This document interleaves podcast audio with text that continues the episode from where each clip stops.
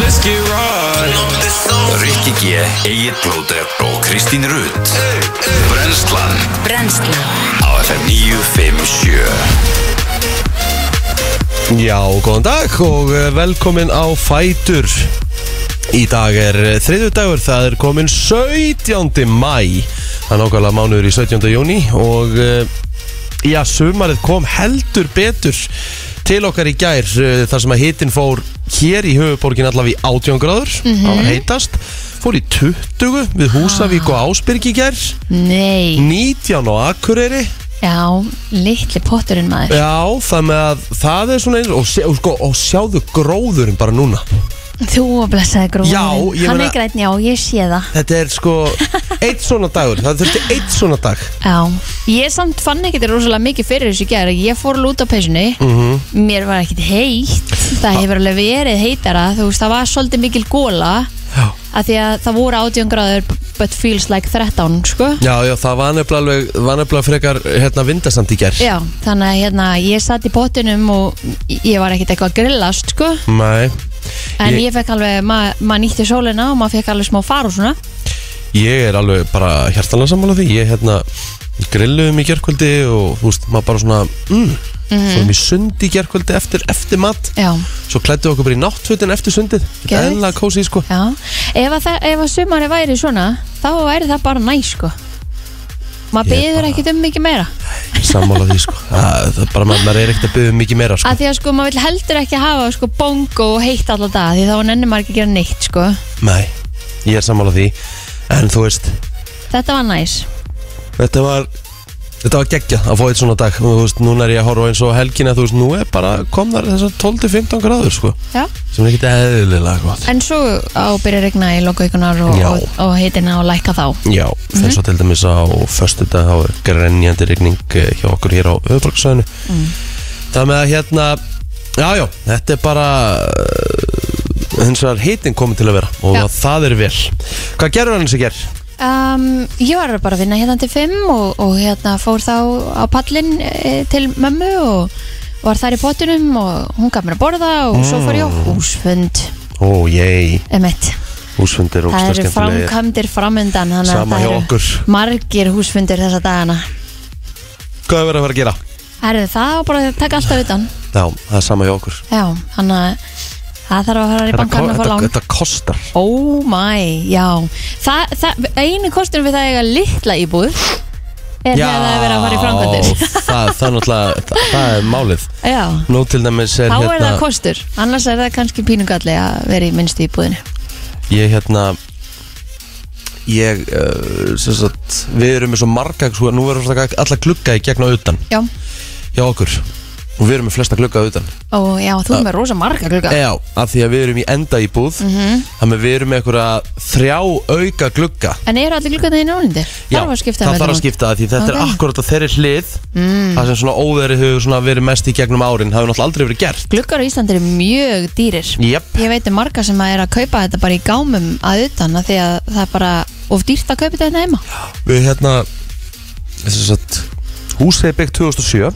Já, það hefur ekkert verið skiptum síðan og nú er náttúrulega Mm. bara komin tími já, á hérna viðhald og hérna já, við vorum að fá cirka verð sem við Úff, þurfum að borga ok. þannig að já, það, það munaði svíða það mun svíða Það er nokkuð gikk framöndan hjá þér, eða ekki? Jú, það þarf að vera þannig og hérna, en ég menna þú veist það sem er gott að hérna sem er gott við þetta er að hérna þú veist, þa- þú veist þetta eigur bara söluverinnar, þú veist, Já, Mhm. já. nýbóð skiptum glugga þú veist, mm. efisælum hana og þú veist Það er meitt verið að fara skiptum glugga hjá okkur líka og það þarf að hátirstu þú allt og mála allt aftur Mhm. og steipu viðgerðir og Akkúrat. múrviðgerðir og þetta og þetta og þetta og þetta ég vil það er gaman að kunna yðinnað Nei, já, í dag Já. að vera að vinna við það, Ó, þetta grínast algjörlega en það held ég að hérna yðinskólinn hafi vart undan umsóknum sko og ég held að mér sé að það komast færa að þeim vilja Pældi því þegar ég var, sem sagt, ég, ég skráði mig í, mú- í hérna múraran í þenni skólum í Reykjavík þegar ég var 16 ára Ég náttúrulega gafst upp eftir nokkra mánuði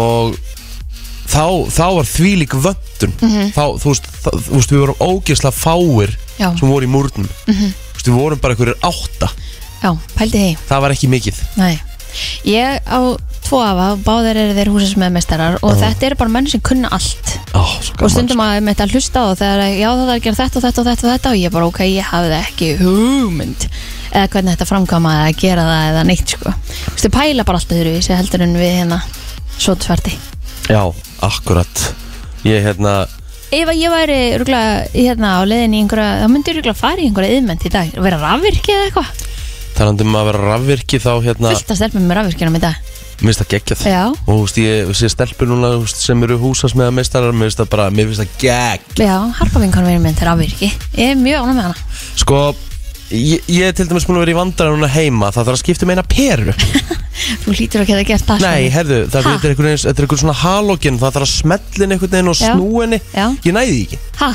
ég næði bara því ekki þrýstir og snýrð já það er ekki þannig Ha? það er eitthvað í gangi Ekki Ég nema get sé- gert það sjálf Já, ok, ég þyrti þá bara Bjóddu mér í mat. Já, ég þarf bara að bjóða þér og láta þér gera þetta Það er ræðilegt að ég bjóði þér í mat og þú gerir þetta síðan sko.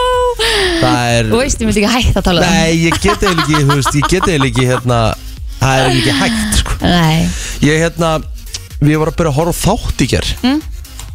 Og ég hérna, ég þarf að tala þess um hann á eftir Hann heitir hérna Clark Clark, ok Þetta er sem sagt sænskir þættir um Clark Ólofsson Á það sæn sko Uh, já, þú getur líka, þú getur, uh, þú veist, þú getur verið með á döpa á ennsku ef þú vilt, sko.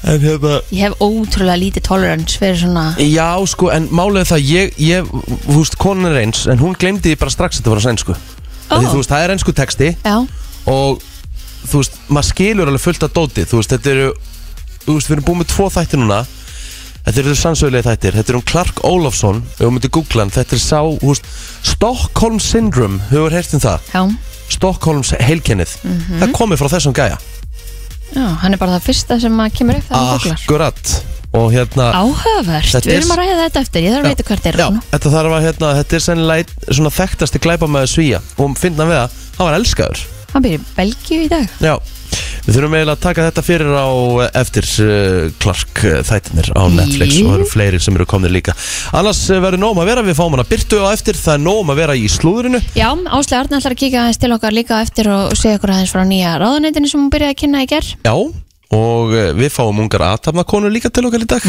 Vá, wow, því lilla girl power í dag Já maður, það er bara þannig og ég er að gleyma mér þess að held í einum Hvað var það? Það er eitthvað Það er eitthvað viðbót Já, flott Það þú erum nógum að vera í þættinum maður Þannig á það að vera, skulum bara koma okkur á staðu fyrir mig í dagbúkina hér eftir uh, smástund 17. mæ er það í dag og við í brennsluna ætlum að kíkja hans á afmælisbörn dagsins en uh, þau eru nokkur og hérna já, stærsta stjarnan uh, Bob Saget Já, Hefði átt afmæli í dag. Hann er náttúrulega nýtt áinn, já, Kall Kuðin Mhm. Hann var hérna, ég man eftir honum Hann, maður horfði á hann á stöðu 2 alltaf á lögataskvöldum já, nákvæmlega Fyndnar fjölskyldumyndir akkurat, og er hann kannski þekktastu bara fyrir það eða? Já, svei mér þá, ef það ekki Jú, ég held að um, Svo er það eh, ein stórstjarnar sem er samt svona smá behind the scenes, hún heitir Candy Burrs mm. er meðal annars með hérna, Real Housewives of Atlanta hún reyndar hérna vann þriðu seríuna af Mast Singer hún er sönguna Já. og á meðal annars heiðurinn að læginu No Scrubs með TLC og Bills, Bills, Bills með Destiny's Child Já, þannig að hérna, hún hefur líka unni með Pink og á hefurna læginu There You Go þannig að hérna, að hún er svona hún er lagahöfundur behind the scenes herðu, það er stóramæl Nei, ekki stóramæl, það er endur ekki uh, 61 á skömmul, mannst þetta söngkoninni Enja já, ha Já, hún er 60 ára? 61 ás ha, Djöfull ok, líður vá tíminn maður ég ætla að mynda að segja það. Það er rosalegt sko. Mhm. En neja, er uh, 61 ás í dag Hún hefur gert hérna Caribbean Blue og, þú veist, Hún er með svona sérstök lög Já. En ákala falleg lög Ab- bara absolutt, Já. absolutt Herðu, uh, Haugur Mortens hefði átt amal í dag ah, Einn af okkar svona, f- svona bestu svona dægurlaga söngurum já, Hann hérna, hann fættist á þessum degi 1924 Mörg, eh, Margar perlur sem að liggja eftir hann há rétt Tony Parker, hann var líka afmæli Eh, Já. í dag hann var giftur Ivan Longoria og spilaði þetta fyrir eh, í- San Antonio akkurat en þau eru skilin, Já, þau já. eru ekki lengur saman Er hún með einhverjum í dag? Já, hún er gift einhverjum öðrum held ég Ah, ok, ok, ok uh, Dennis Eh, Hopper Uh, leikari með meiru, hann fættist á þessum degi 1936, hann dó 2010 hann uh, var nú þekktur fyrir nokkur hlutverk, hann var frábær sem The Villain hann hérna leik marga svona vondukalla -hmm. og hann er kannski frægastu fyrir að hafa leikið vondakallin í Speed Ú, alveg rétt sprengju, sprengju glaðamannin Ah, ok þannig að hérna, það var svona kannski svona það helsta sem að uh, hann var þekktur fyrir mm -hmm. erum við með eitthvað meira? Ekki allavega hjá mínu fræga fólki Þannig að Nei. ég spæði bara vippa mér yfir á Facebook Let's do it uh, Dati Disco á afmæli í dag 56 ára Og svo á hún Díana Íris vinkonu mín afmæli í dag Hún er 37 ára í dag, stórglæsileg svo alltaf Mm. um, Og svo uh, hún Kristjana Hera, hún á sömulegis afmæli í dag Herðu, uh, alvöru árbæðingu Theodor Óskarsson, uh, 42 ára gamall í dag, gerði garðin fræga með fylki á sínum tíma. Nú Jónína Sveinbjarnadóttir, 35 ára gömul í dag. Daniel Virkner, 38 ára gamall. Þetta er svona elsta sem er á mínu Facebooki. Þá uh, vippum við okkur í söguna. Herðu, stó stór dagur. Hví? Uh, 2019 Tævan löguleiti hjónabönd samkynneðra Ah, fyrst Asjuríkja þetta er 2019 já, það þetta er er ekki, mjög þetta er ekki stutt lengra síðan sko Fyrst Asjuríkja, ætlaði séu einhver fleiri sem hafa fyllt í kjölfarið já, hann sko þetta hafi Ég ætla að hlýtur vona vera það. maður hlýtur Einmitt. að vera Eh, Það var ekki galið herðu 2005 konur fengu aftur kostningarétt í COVID Aftur, var já, það tekið var af te- var þeim tekin bræðið með Að þið höndlið þetta ekki, við Já, tökum þetta já, aftur tökum þetta aftur, já, ég, já. ætla, ég kall og ég ætla að ráða því Jesus maður Herðu, þetta er líka svolítið spes uh, Líkista Charlie Chaplin fannst við genfarvatn 1978 Býtu nú, við, var hún grafin upp Ég bara Ha, ég, ég, ég skil þetta ekki alveg það, Þú veist, people got to have finished the stories já, n- þetta er svolítið svoleiðis Já, það vantar eitthvað í þessa sögu Já, hérna, sko. s- var hann í henni eða, Já. þú veist, hvað er hérna Það vantar eitthvað mikið inn í þessa Við þurfum eiginlega að teka á þessu Já. Herðu, svo var það hérna árið 1990 Alþjóða heilbriðismálastofnunin feldi samkynnið af lista yfir sjúkdóma Christ, maður Ha, Vá, hvað voru til miklu fordómar inn í gamla dag, Jesus Og þú veist, 1990, þetta er svo stutt síðan. Þetta er ekki, þetta er ekki langt síðan, sko Ég er fættur þarna, sko Ég er bara, ég er að, ég er að fara í skóla þarna, sko Ömmit, þetta er galið. Herðu, uh, Leikni Reykjavík var stopnað í Efra Breiðholti á þessum degi 1973 Mm. Hvað eru mörg uh, íþjóttafélagi í bregaldi? Tvö? Leiknir og ég, Ó, ekki fram. nei, fram er í eða var í Samamýri, Já. nú er fram að fara upp í Úlfarsaldal, Ah, og hvað er að koma Garðaholti. þessum fram er? Víkingur Ú, er að taka við sæðinu hana ok, cool. þannig að hérna en sko Leiknir er bara frá 73 þetta er mjög ungt félag með með mörgunur nú uh, stangveiði félag Reykjavíkur á líka amal í dag uh, þeir voru stopnað 1939 djúð langum bara að fara í veiði Það er ógislega næs. Ó, Fyrir hérna. þetta flugurnar. Þá er það útrúlega næs að standaði bakan og... Var nefnilega- voru nefnilega í stikkisólmi og þar sá ég nefnilega menn með veiðistöngu voru að kasta í eitthvað vatn þannig að þú vorum að kera heim og Já, þetta er eitthvað svo kósi þetta er það. Þetta er mjög næs. oh, henda, á- henda á smá maðki og henda út með flótholti og setja stöngina síðan niður og svo fæ maður sér smá nesti og... Já, þú er bara í þannig veiðum. Já, ég er ekki Flotholti. Já, og það er, það er svo kósi Við fyrir þá bara í það í sumar. Við höfum að taka í dag Já. Herðu, Þetta er bara komið. Já, ég held að sé bara komið Frétta yfirleitt sport og veður hér til smá. Sogblöfkur til leigu fyrir gler, þak og veggeiningar. Mikil liftigeta. Háðu samband. Armar.is Lendur í umferðaslýsi? Fáðu tjónið bætt.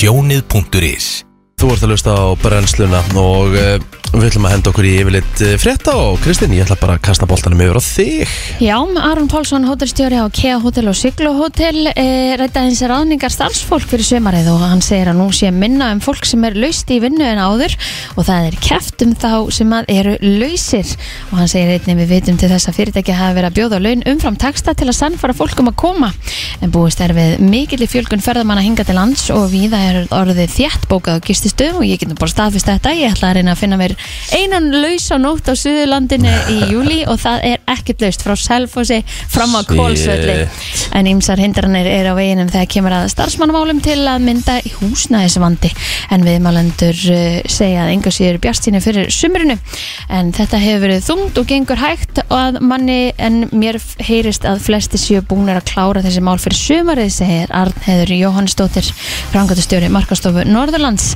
en uh, Já, Sveit Sigursson, einn eigandi smiðjunarbrukkús í Víkimindal segir að þau sé að fá starfsfólk frá Spáni, Ungverjalandi, Pólandi, Króatíu og Breitlandi auk Íslendinga. Þannig að það er eh, greinlegt að það er eh, m- mikill uppgangur þarna og veitingastæður er helsta aðdróta rafl miðborgarna í Reykjavík að því kemur fram í niðurstöðu könnunar sem greint er frá eh, á F7 Matís félag iðn- eh, iðnaðarmanna í matvælum og veitingarum en könnunin var gerð af ma maskínu en í henni var spurt eh, hvað, hvað það væri sem að fólk fyrst og fremst vildi þegar það kemi að sækja miðborgina og eh, voru svarendu beðnur um að raða tilteknum þáttum í mikilvægis röð og það mikilvægasta sem að þeir töldu þegar þeir s- myndu sækja með borgina var veitingastæðir 44,3% settu veitingastæði í fyrsta sæti viðbörður er í öðru sæti 19,7% Eh, þannig að hérna og kaffehús og barir varu þannig í þriða sæti með 17% Já, þetta er uh, aðriljusvært og aðeins lítill hópur svaranda verist fyrst og fremst sækja miðborgina til að vestla enda, enda ekki skrítið það er ekki hægt að fá fokkin stæði í miðborginni þannig að maður er náttúrulega kemur hann að freka bara til að detti í það því að maður fær ekki stæði og kemur ekki bíl Mm, Nákvæmlega Ég fór síðast að ég Það fyrir búið að miðborgin eiginlega laugavegin til dæmis Ég man alveg eftir að maður fór ofta á laugavegin til að vesla og fór í einhverjum svona skemmtilega búðir og eitthvað Ég tók hérna síðast að ég fór í miðborgin og tók í strætó Já, og akkurat, tók smá dagdrykju akkurat Herðu, fjóra tilkynningar um menn í annarlegu ástandi bárust lauruglustöð 1 sem þjónustar Östurbæ, Miðbæ og Vesturbæ Reykjavíkur ásamt Seltjarnanes í gerkvöld. Það kemur fram í dagbók lauruglunar á höfuborgarsvæðinu. Þá kom fjársökamál, aðbreyðileg hegðun og ofsaakstur á borð lauruglustöðvarinnar á sama tíma. Í Breiðholti var tilkynnt uh, um týndan mann sem er með Alzheimer sjúkdóminn um miðjanótt. Hann fannst reyndar skömmu síðar sem betur fer heill á húfi.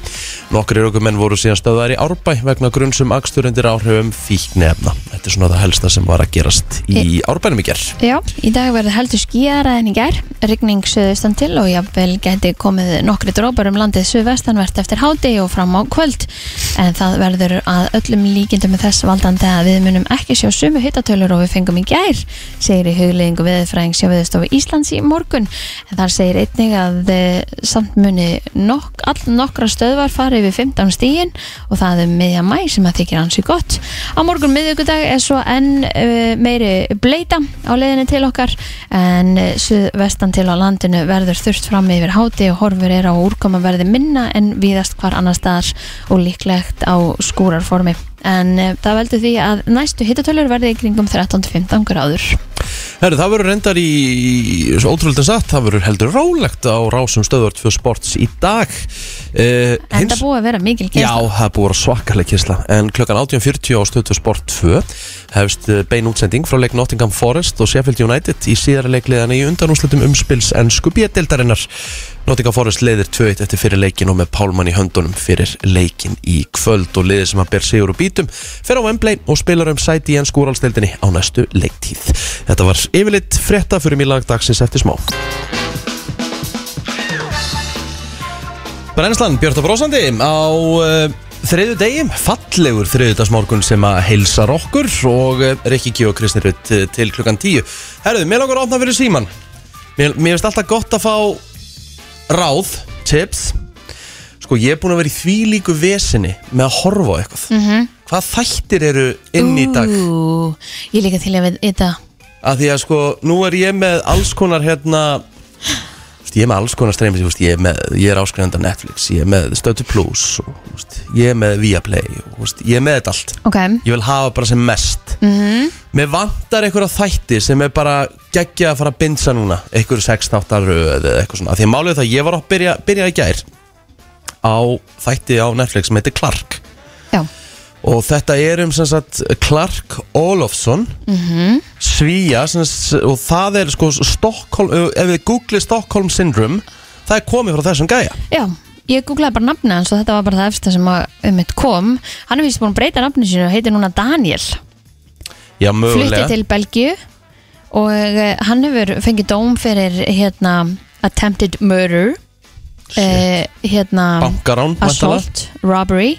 og dealing narcotics Já, já, og ok hann hefur uh, sagt, eitti hálfri æfi sinni bara í fangelsi í Svíþjóð Já, en hann var svona fyrsti celebrity gangsterinn eins og ég segja í Svíþjóð og fyrsta, fyrsta hérna ráni sem að bara svona hérna var sínt beint frá í sjónvarpinu og þetta var að þvílitt meihem í kringum þetta ég er búin að horfa á, á tvo fyrstu þættinu núna Þetta lofa mjög góðu En Mhm. þú veist, þeir eru ekki margir Þannig að mér vantar fleiri þætti Mhm. Hvaða þætti er fólk að horfa á? 5.11.09.57, verið með okkur í þessu Hvað hérna, mér langar alltaf að horfa á þennan já, já En þú veist, það hann á vantar- börn, hann á maka Já, já, hver vil ekki vera með Clark Olofsson? hann á þrjú börn með þessari konu sem hann er með í dag Já, Hvað er hann gamall í dag? Stendur það? hann er fættur á 1947, reknaði nú 47, þar með hann er 75 ára Já, í, hvernig ætla að vera hvernig ætla að vera hvernig, hvernig ætla að vera bann svona einstaklings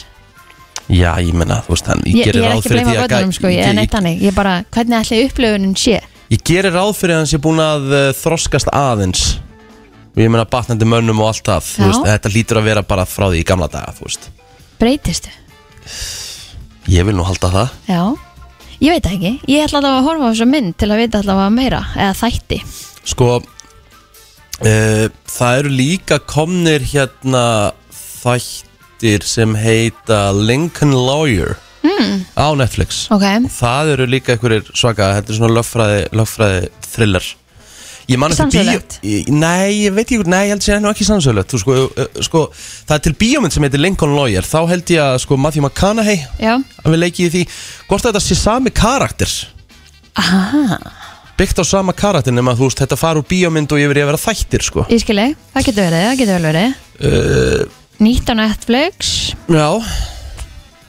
það er hérna, svo líður manni stundum eins og sumrin séu svona, það verður alltaf svona meira, meira sló þá já, það verði svona erfiðara að því að málið er það að við tókum bara þú veist, það var bara það kom mánuður það sem við bara vorum ekki með neitt nei, til að horfa á Nei, þá vorum við bara að horfa á eitthvað sko, við byrjum að horfa á eitthvað þætti sem við vorum búin að sjá áður sko. já, það hérna, en svo bara svo fyndið, svo það kemur haust og vetur sko, þá bara, þá hefur maður ekki undan En mér finnst þetta samt verið svona raung hugsun að því að til dæmis eh, eins og hér bara á okkar landi þá er allir að taka iPadana með sér í, í hjólísin eða sumabústæðana og eitthvað svona til að horfa á okkar þegar þú ert komin upp í og svona Algjörlega. að hérna að manni vandar alveg eitthvað til að horfa á þó þessi sumar mér finnst að þetta er svona eins og það var ekki, sum, það var, var ekki sumvarp í júli Já, og, og, og það var hérna bara eins og varst búin að ákveða það að fólk horfið bara ekki á sjónvarp á sumurinn ég horf alveg jafn mikið á sjónvarp á sumurinn og veitna Sko- sko, af því að þetta er bara eitthvað sem er tekið bara á kvöldin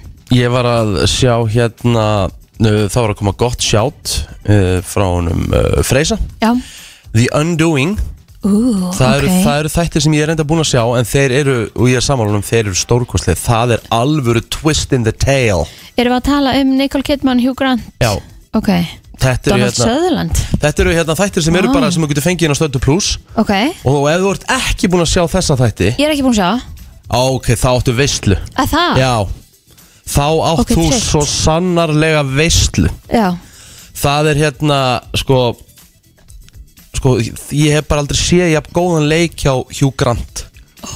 að því maður er alltaf svona litið á hann hann er svona þetta var svona rom-com leikari já, svona en hann í þessu hlutverki þú veist, vá, hann kemur óvart maður já við vorum líka að fá að sjá það til það frá Óla bróðið mínum það sem hann segir að allir eigi að horfa á um allt land um fucking allt land já, já, það eru náttúrulega geggjaðir þú veist, Geðu ekki Það er þættir, ég er frábærir alveg sammálunum þættir. þar sko þú veist Ég en, nefnilega nefndi þetta við hann og hann hefur ekki hægt að horfa á síðan þannig að það eru bara svona good feel þættir þú Já. Mhm. veist, þú veist að kynast landinu þínu og eitthvað svona en mm -hmm.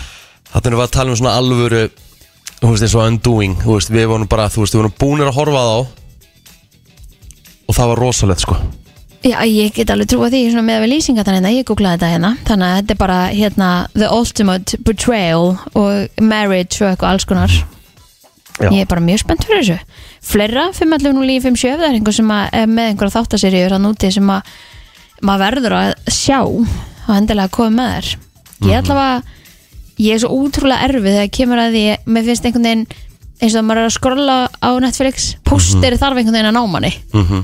og stundum missir maður bara af einhverju þáttum að því pósterin er ekki nú spennandi fyrir mann eins, og, eins og þetta, þú veist þennan Clark skilur, þetta er einhver örgleikli sem ég hef ekki tort á því að ég hef bara ekki fatt það Góðan dag, hver er hér? Já, góða dagir Hérna uh, Þetta er náttúrulega ekki nýjir þættir En hérna Afterlife með Ricky Gervais Ó, það eru Afterlife. stórkvæslegir sko. Ó, ég það eru er ekki svo búin að horfa á það Það er sko, Já. það eru allar tilfinningar sem þú færð í heiminum með að horfa á það þætti Já, þetta er bara maður, maður vorkenir honum svo mikið og en þetta, hann er samt eitthvað sjúklega fyndin, þetta er samt rosa þungt Þetta er bara en þeir eru geðveikir þannig að þetta er ekki endilega, endilega funny, þetta er meira svona drama eða Já, Er þetta bara alls konar? bæði, sko Já, I like it Það eru, geggjað, takk fyrir þetta vinnur Já. uh, FM, góðan dag Evan? Já, góðan dag. Góðan dag Það eru fimm dagar í að það komi ný seri af Stranger Things Úúúú Já, ég náði þeim aldrei og Ozarks líka. Ah. Já, Ósark er rosalega þættir, ég er sammála því Eru góður, eru góður. Var að koma ný, nýr ósark á Netflix Nei, en það eru bara það eru góður þættir. Ég veit ekki Ah. hvernig komi ný seri af þessu. Ok. En ég sá að það eru fimm dagar í að komi ný seri af Stranger. Ég hef Tryllt. aldrei, ég hef aldrei náði dettin í Stranger Things Nei, það var eitthvað ég bara sökkinn í á, sko. Já, með margir sem eru að sko Er þetta ekki bara að þú þarfst að gefa þessu smá Mm, Já, séns, ég eða? tók samtalið fimm þættir sko Já. En ég bara einhvern veginn, já Já, En ég meira, ok, maður kannski fyrir gefa þetta. mannan séns Takk hjálpa fyrir þetta uh, FM, góðan dag, hvað segir þú? Ég segi bara allt ágætt Ágætt. Ykkur góð þettir já herðu Svaðalegir maður Ég horfði á það í vélunum daginn og ég, það, ég gæti ekki hægt Já, þeir sem spúna að sjá það ég, Já, ég er búin að sjá það. ég er að vinna með það núna Það er, Ok, svo, Ha.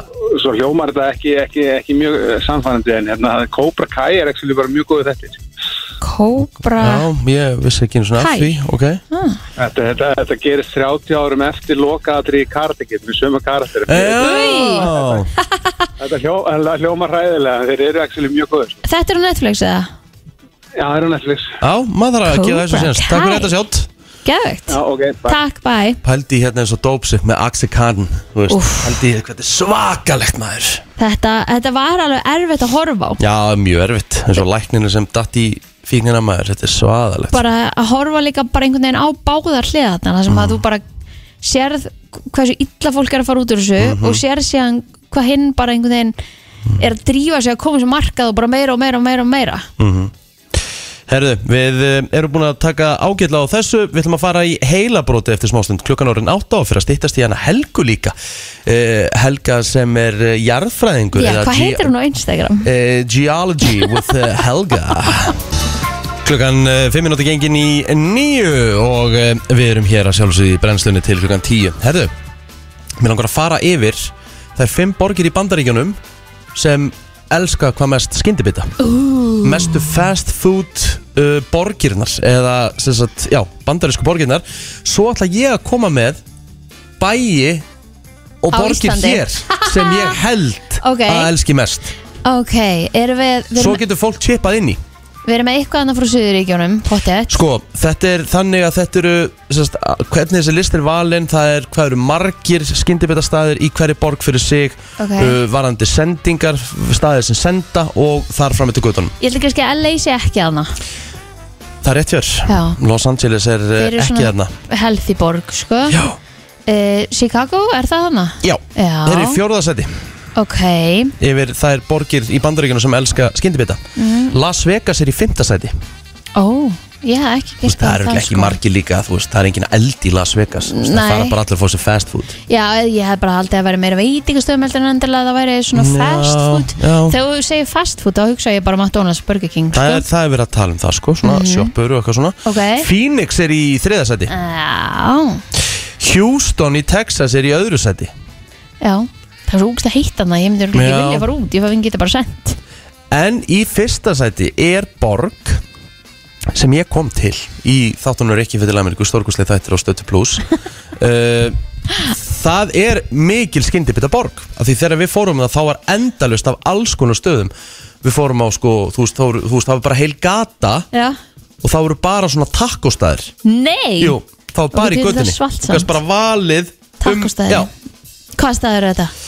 þetta er Orlando Ah, auðvitað Hvernig, uh, hvernig datt með það, Hmm. Það er ekki? stærsta skyndibita borg í bandaríkjunum Nú ætla ég að koma með minn lista sem ég held að þetta sé á Íslandi Ok, Sko, ég náttúrulega er í rauninni ekki að taka Reykjavík með Ok. Þú veist, hún, er svo, hún er svo rosalega stór setjum hana út fyrir Settum hann sjö út fyrir sögja Ok. Sko, ég ætla að segja Ég ætla að segja fimmta sæti Já. Sé Selfoss Fymta sæti Já, What? já Ok, ég hefði sett það ofar Sko, Selfoss er náttúrulega pulsvagnin Já, bara út af honum hefði ég sett þetta ofar Já, sko Þeir voru með, sko, svo, svo náttúrulega er vefjan aðna Þeir eru Já. með, hérna, hvort það sé hlölli aðna líka Já, ekki uh, Þeir eru með Dominos, þeir eru með Subway Herru, Selfoss hér í þriðasæti Er það ekki? Selfoss hér í þriðasæti Já, Mhm. ég held það Selfoss kom í þriðasæti mm -hmm. Herðu uh, Ég ætla að setja í Sko, sko, sko Hvað ætlar þá að setja í fymta sæti?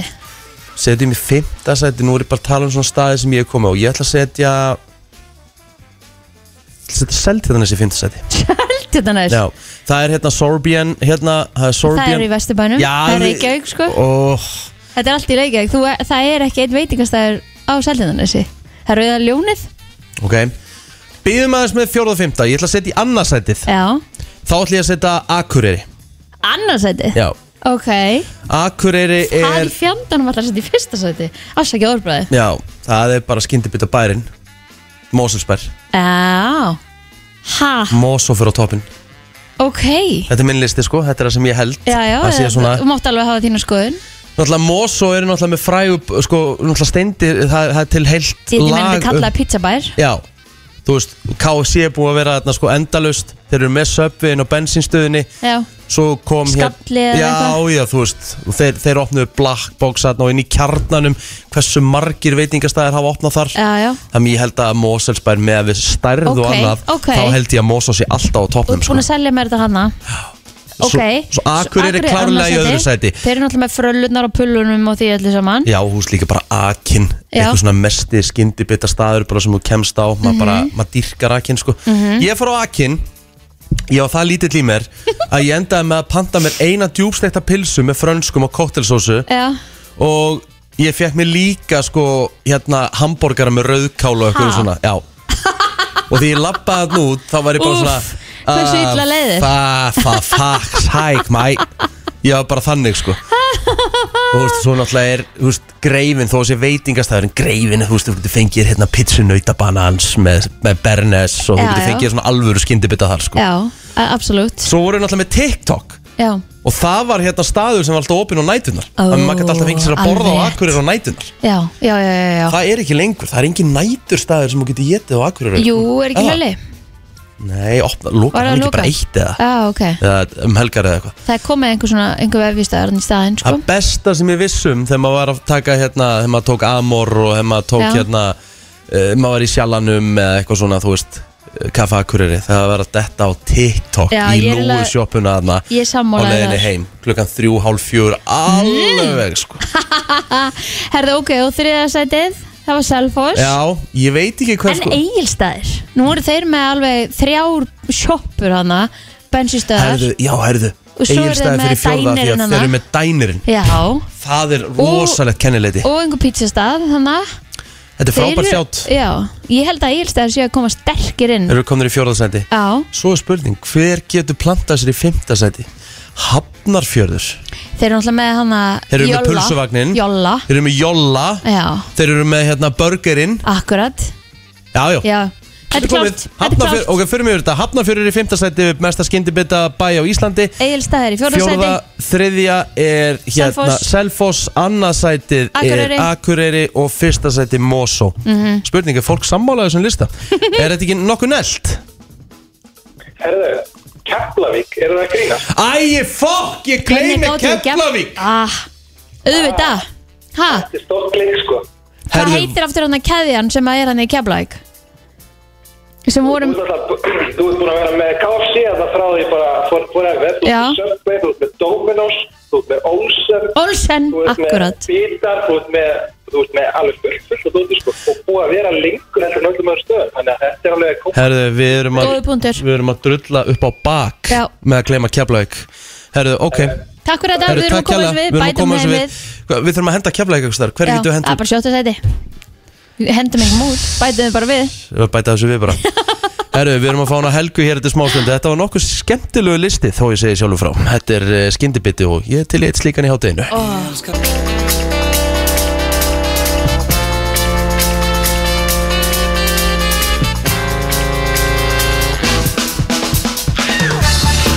Það er nefnilega það, uh, þú ert að lusta á brennsluna og við erum komið með, um, já, eldfjallafræðing brennslunar, hún heitir uh, Helga Kristín Torfadóttir eða Geology with uh, Helga, nú er ég búin að æfa mig að segja þetta því ég gat aldrei sagt þetta. Þú náðu nafninu núna fyrsta það er sinn. málið, Eh, í fyrsta eiginlega sinn sko. Í fyrsta sinn, já, það er rétt Af því ég er líka bara búin að hugsa svona, ég held ég sem búin að segja þetta svona 50 sinnum bara án að viðtalið byrjaði. Já, Af því ég sagði alltaf geology við eitthvað svona, þetta var, já mjög Geology, erfitt það er bara þannig Eldfjallafræði Helga, jörðskjálfur Hvernig kemur næsta gós? uh, Ég væri til kannski í fyrsta leið haust Já, ekki í sumar mm, Það var svolítið mikil keisla síðast sumar Já. Mjög gaman sko En það, er hérna, það er svolítið glata að byrja gósi Í byrjun sumars Já, Þannig að vonandi bara heldur þetta í sig En, en það er engar vísbendingar Öndilegum að sé að fara að gjósa núna á næstunni nei Náinni framtíð fyrir. En erum við að fara að sjá bara svipagús og við fengum seinast ef að af yrði Já, sko, gósin á Reykjanesi eru alltaf svolítið eins og gósi í Færallandsfjalli nema kannski mismunandi styrkleiki á því Það er alveg hægt að sjá sko, svona hraunslettur fara upp í 500 metra hæði eða eitthvað svoleiðis Mhm. Já, eins og gerðist einu sinni í Færallandsfjallsgósinu já, en það gósi er náttúrulega það var svona friðsælasta útgáfa af gósi sem maður getur ímynda sér Mhm. En ég- hérna en það, nú fengum við stóran skjálta hann í þrengslunum er, myndi það vera eins er, er hægt, kemur gós þar Nei, það var í rauninu bara svona vakstakipir já, af því að landið er að gliðin í sundur og, og það er margt í gangi að náta reikjans tánni og svona þannig að það tengist því bara já, svona losnar um aðeins og bara eins og þegar maður þarf að láta braka eða eitthvað svona, E, Einmitt. svona oh, ég þarf aðeins að og þá, þá bara losnar um orka þarna og ok, þannig að það er í rauninni ekki hægt að gjósa þar jú, jú, það er alveg Það er hægt, hægt, sko, já. Mhm. hengill er þarna rétt hjá sem er eldstöð og náttúrulega virkinin okkar er upp við já, en um, þú veist, þetta var bara svona einn svona snarpu skjálti bara og búið og svona, svona okkur eftir skjáltar já, ömmitt en þetta er aðalega reikinhessi sem er að stríða okkur þá núna Já, svona vestan við Þorbjörn ok, Það er svona eitthvað eitthva í gangi og það, er það svipaði staður og seinast Nei, Nei. það er einmitt að- mjög fyndið að skoða jáskjálta kortið núna Það er bara alveg þögn hérna yfir farðarsfjöldinu Já, svona aðeins í náttaga eitthvað En, en það er svona og þér, sofandi fyrir þá sem veit ekki, hvað er Þorbjörn? Þorbjörn er bara við Grindavík Er það ekki, það er alvöru vesen að fara að gjósa það er það ekki Já, það, já, það er svolítið önnur sviðmynd sko. Já. Af Því að færalesfjall bauð upp á svo þægilega aðstöð Þetta voru bara svona dalir Akkurat og bara svona svona fótboltavellur og, oh og maður gæti sittið upp í stúku bara og horta gósi Akkurat en það um leiðum komin út á jafnsléttu þá það er vesen sko En nú, núna til dæmis að, ge- þú veist, það, það er að koma hérna jarðskjálftar í þrengslinn og þú veist, það hefur verið að finnast eitthvað í heiðmörk Nú bý ég bara nánast í heiðmörk, ég bý upp í álkonukvarfi Þú veist, getur opnast jörð þar bara í, sko við erum alltaf með rauðhólaðna rétt hjá Akkurat sem er svona ágætlega nýr Já. það er bara fín regla að hugsa bara ef það er eitthvað svona nýtt hraun einhver staðar að þá ertu á svona smá vafasumum stað kannski kemur nýtt hraun einhver tíman en þá náttúrulega er tímaskjælun sem skiptir máli Já. en sko allt sem er að gerast núna þetta er ekkit óvenjulegt við erum Nei. bara rosalega svona alert eftir síðasta árið Ok, Já, ef að þetta væri að gerast sko, fyrir einhverjum tveim, þreim árum það væri kannski ekkert svona mikil umfjöllun um þetta allt saman mæ Mhm. þannig að það eru er eru allir bara um leið og kemur skjáltið það er bara að refresha viðpunkturins og það hrinur Já. og eitthvað svona Þannig að það er ekkit óvinnilegt að komi svona skjáltatíð og, og eitthvað svona þú alls veist. ekki, Nei. þetta er þið, þú veist ef að þið myndi líta nokkur ára aftur í tíman þá væri við bara í svipari stöðu nema Já. núna eru við rosalega mikið að fókusera á hvort það sé sko kvikusöfnun já, og ömmitt hvort að það sé landri sem er út, út frá kvikusöfnun í skorpunni Það myndi hend okkur voða vel svona upp á, á ferðamannin að fá eitt svona lítið gós núna, Já, svona þeim bara- er, taka móti fólki á, í leifstöð Já, akkurat Þú- Þú þú lendir, skoðar eldgós og ferð svo að skoða bæinn Nei, því að það var náttúrulega COVID fyrir á svona það var minna hægt að taka á móti fólki Já, ég er einmitt oft búin að tala um það hvað það var í rauninni heppilegt fyrir okkur að hafa heimsfaraldur á þessum tíma og Já. hafa allt svolítið lokað því að það er bara all, öll Evrópa bara hoppaði upp í flug, skellt sér í helgaferð bara á, Einmitt, Að skoða gós sækja bara bílalögu bíl, skoða gósið, fara í blálóni og heim, Já, bara geggju dagsferð reyndar En er hérna, að því að núna erum við svolítið mikið að fókusera á Reykjanesi Þetta, það er ekkert meira eða annað um að vera einhver starran starra landinu Jú, það má ekki gleyma sko öll hinn kerfin Já. Það er, og meðan Reykjanes er að taka all aðtíklu og það er líka að fylgjast með öllu hinnu Já, það er til dæmis Grímsvötn sem er undir vatnajökli hún getur farið á stað hvernig sem er í raunni hún er búin að vera að tísa svolítið ok og sæði kringum ösku það er líka tímarspursmál fyrst mér sko mm þannig að ég menna það eru, það eru fullt af eldstöðum sem að eiga eftir að láta í sig heyra En Og eru komin á tíma, þannig séð þá eða? það, Já, já, já Mhm. þannig að það er það geti alveg komið tvö gós á ári eða þrjú eða eitthvað þess vegna sko Þannig að þetta er skemmtilegu tími að vera jarð, eðlisfræðingur, eldfjallafræðingur, bergfræðingur og allt það sem þú ert. Já, það er mikil vinna þá framöndan ef að það, það verður svona sko Já, emmitt. Nú veldi ég fyrir mér hérna sko að því að nú, nú eru að tala mikið um Reykjanes og svona en þú veist, nú finnst mér eins og allir séu búin að gleyma að Katla hefur ekki gósið í mér en 100 ár Já, það er eins og kalla hafið eitthvað svona breytt um skoðun Já. Það getur verið, það er svona skipta skoðun Það getur verið að hafa verið gós 2011 sem að náðu bara ekki gegnum ísinn sko. Ok, Mhm. og það er oft sem að ef það gísundi í ökli það næri ekkit endilega í gegn og þá er ekkit endilega víst hvort að hvað olli bráðuninni ofan á ísnum, var það kvika eða var það bara eitthvað jarðhitatengt Mm. Ok. okay. eitthvað svoleiðis Mhm. þannig að já, það er spurning hvað kalla gerir það er eins og hún sé bara eitthvað svoandi já, það vantar eitthvað Það svona er ekki smá bara fínt. Jú, ég held að sé ágætum sé, ágætum sé svoandi Já. Er það allavega fyrir þá sem eru að hlusta þá, þá þarf ekkert að panika, þú veist, þessi jarðskjálta þetta, er bara, þetta getur bara verið tilvílun Já, maður þarf samt alveg að, að sko, vera á tánum, sérstaklega ef það er einhver svona hreinu gangi og ef að jáskjáldarnir eru að gringa rosalega hratt, þá þarf maður aðeins að Já. en þau- á meðan þau eru bara eitthvað á samastæði skorpunni, einhverja 5-6 kilometra eða eitthvað, Já, að þá er engin ástæða til þess að fara að setja á sig sínatöku galan, sko. var hérna eh, skjálftinn sem að, að því að fólk hérna allavega á höfbruksæðinu fann meira fyrir þrengsla skjáltanum heldur en það fann síðan daginn eftir eh, hjá þeim skjálta sem var á Grindæk, var hann o- ofar í skorpunni sá sem var í þrengslunum heldur en þessi sem var í Grindæk? Þannig að í rauninu bara næri okkur, þannig Já. að þau sem eru svona í Kópavogi, Norlingaholti, uh, já, Vassendasvæði, fann, fann þetta mjög vel, sko. mm. Ég er í Kópavogi, ég fann þetta rosalega vel. Mm -hmm. En síðan þú veist það sem er að gerast út á Reykjanesi það er svona hafnafjörur finnur það eins betur þannig að þetta er svona svolítið spurningu um Hvar þú ert? Já. Já, emmitt. Algjörlega Herðu, Helga, Áhugavert. uh, Kristín Tóradóttir, eldfjallafræðingur Kæra þakki fyrir að koma og fræða okkur svona aðeins um þetta og uh, við fylgjumst rækilega vel með næstu daga Það er nefnilega það, þú ert að lusta á brennslun og uh, við erum komið frábæran gest hér í stúdíu þar hún uh, Bjarklind Björnsdóttir Vertu hjertanlega velkomin Takk fyrir kella Herðu, ungar aðtapnakonur Já Herðu, uh, sko við förum aðeins yfir það uh, UAK eða ungar aðtamnakonur Þetta er helsta markmið er að stuðla jafnbretti, hugafarsbreytingu og framþróun í samfélaginu Mikið rétt Og hvað hérna, Það er hvað ekkert smá markmið. Já, og hvernig gengur? Það gengur bara vel, Já. eitt skrif í einu Já, Mhm. Það er bara Það er einu sem rétt. skiptir máli Halda áfram og halda umræðinu gákandi og pointið í þessu það er að stuðla því að konur komist í svona frekari Já, hvað ég var að segja, bara svona stærri, stærri stöður í, í fyrirtækjum í landinu þá eða? Já, og verður bara jafnbretti á vinnumarkaði Já. Það er svona aðal, aðalmarkmiði sko Er ekki Ísland samt bara nokkuð framalega í, í þessum efnum, eða? svona með við önnur lönd? Með önnu lönd, en þú veist, maður þarf Mætti ekki að gera horfa betur. lengra heldur en bara, þú veist, skráða, skráð fyrirtæki í kaupöll, forstjóra þar og, Já. og hlutvalli þar er náttúrulega bara alls ekki nógu gott, sko. Nei Þannig að við þurfum bara að, að halda áfram að berjast fyrir auknu jafnbretti og Mhm. Og þeir eru mjög duglegar að halda viðbyrði til að einmitt vekja aðtikli á öllum þessum málefnum og líka bara hérna hvernig það er að vera kona á vinnumarkaði. Einmitt, Og og, bara verður- til að efla konur almennt til Já. þess að geta tekið skrefin áfram og þangað sem þær vilja stefna Og verði með eitt slíkan í kvöld sem að heitir veljan á vinnumarkaði, hvernig náum við árangri án þess að tapa hilsunni.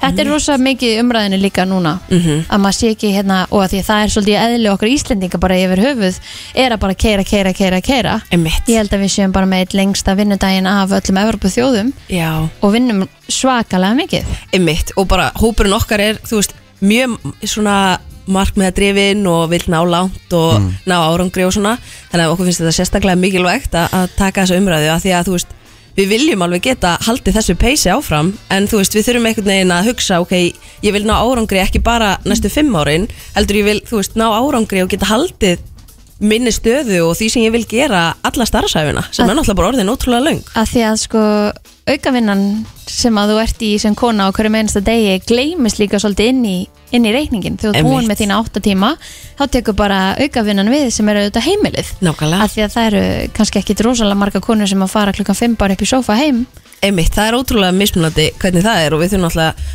algjörlega að halda þeirri umræðu á lofti um þessa þriðju vakt Mhm. og hvernig við þurfum að vera duglegri að, sem samfélag Já. Mhm. að, að dreifa hana einhvern veginn ábyrðinni inn í Mhm. reikningin líka Já, og bara að allir taki virkan þátt það er náttúrulega bara hver að taka ábyrð á sér þar sko já, ummitt En hvernig er eins og til næmis pointi með, með hérna, ykkur ungar aðtannakonur, þú veist, eru þið að fara í fyrirtæki og koma með fræðslu, þú veist, varðandi, jafnbreytt á min- vinnumarkaði, hvernig hérna virkar svona starfsemi?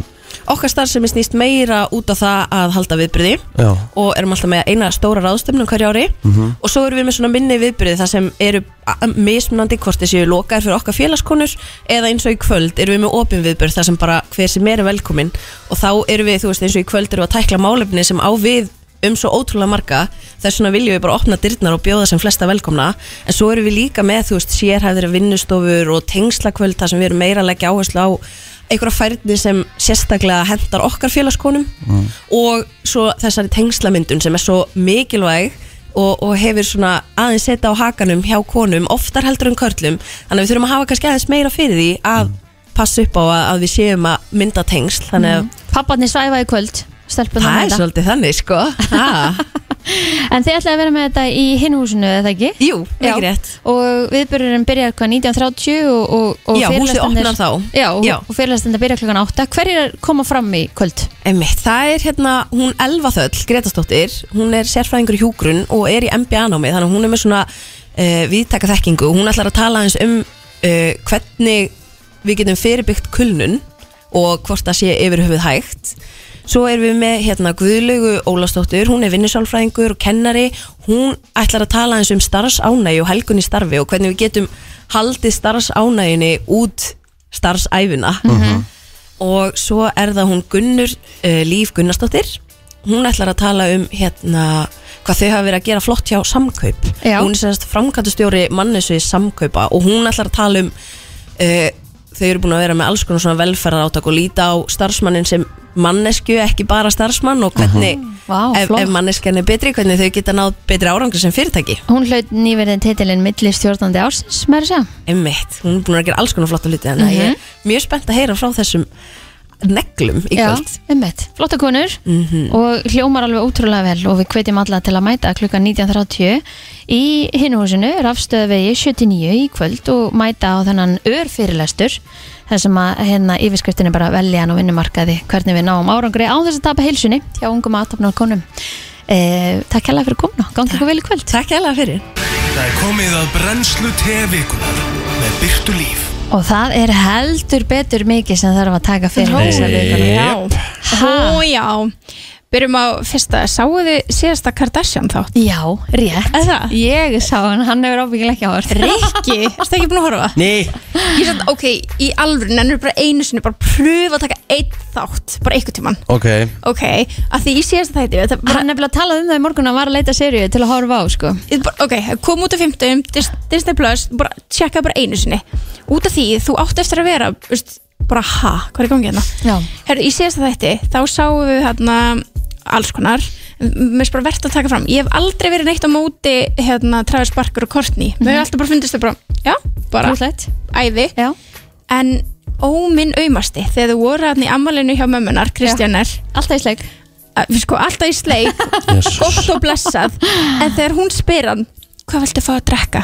og hann segir I just want what my baby wants og ég barast. Ó, og Oh. hann getur ekki bara sagt hvað er langar ég að drekka ó, hún bara, I think I'm gonna have a gla glass of red wine ok, me too baby og maður var bara, þarna var Er ég bara, bara með það ein- einni manneskja þetta gaf mér the ick Já, Það er Það hlýtur er að- ekki, ég er bara flögur þérna sko Já Það er þetta En það var mjög, en sko, og þau voru að þessu hérna, Rikki, fyrir Mm. framann Scott Disick, Bassfur, Courtney Já Þetta var allt mjög steikt Hann verður að láta sig hafa það Já, Hann skeipur algjörlega. bara baki í gegnum öll Hann þessi ár, gerði þannig að það, hann en á þetta ekkert var svo inni. skrítin sena Já, Þau en svo eitthvað- er þetta pottit líka allt klift saman Já, til að láta já, þetta já, já. líta þannig út sko.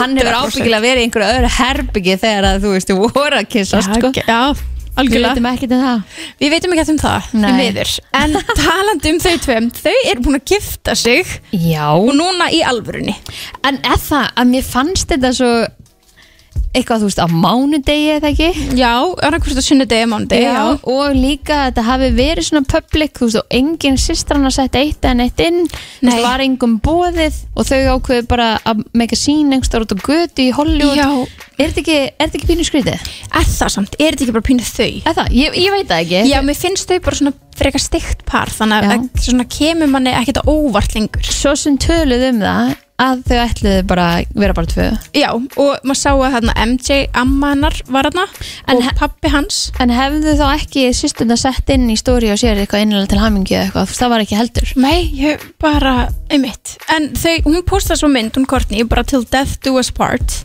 Ok. okay. myndum, Já. þannig að þú veist þetta lítur þá að vera svo leiðis, en þau segja að þau séu með plön til þess að halda alvörinu upp á þetta á, í Ítalíu í sumar, ah, já, í Ítalíu í sumar þannig að já, bara til hamingju til þeirra, Mhm. þannig að þau hafa geta ákveðið sér hvað það ætla að drekka þarna líka en mér, þetta, bara, þetta situr í mér sko. herru, svo var hérna Brittany okkar besta með sorgarfréttir Ó, Já, Æ, var hræðilegt. ótrúlega leðilegt Já, hún sagði að hún og sem hérna unnustu sinn hefði því meður um, já, hún bara tilkynna fóstum með sig á Instagraminu sinu og segir hérna bara kannski hefði ég átt að segja ykkur þetta þegar við vorum komin aðeins lengra en ég var bara allt og spennt og mér langaði Já. að deila góðu fréttunum mm -hmm. sem er bara eðlilegt hún má gera a- alveg það sem hún vil en við sendum þeim bara styrtar kveðjur Já, og vonandi bara náðu að vinna úr þessu og kannski fáum við bara aðra tilkynningu í lokas Já, kannski Já.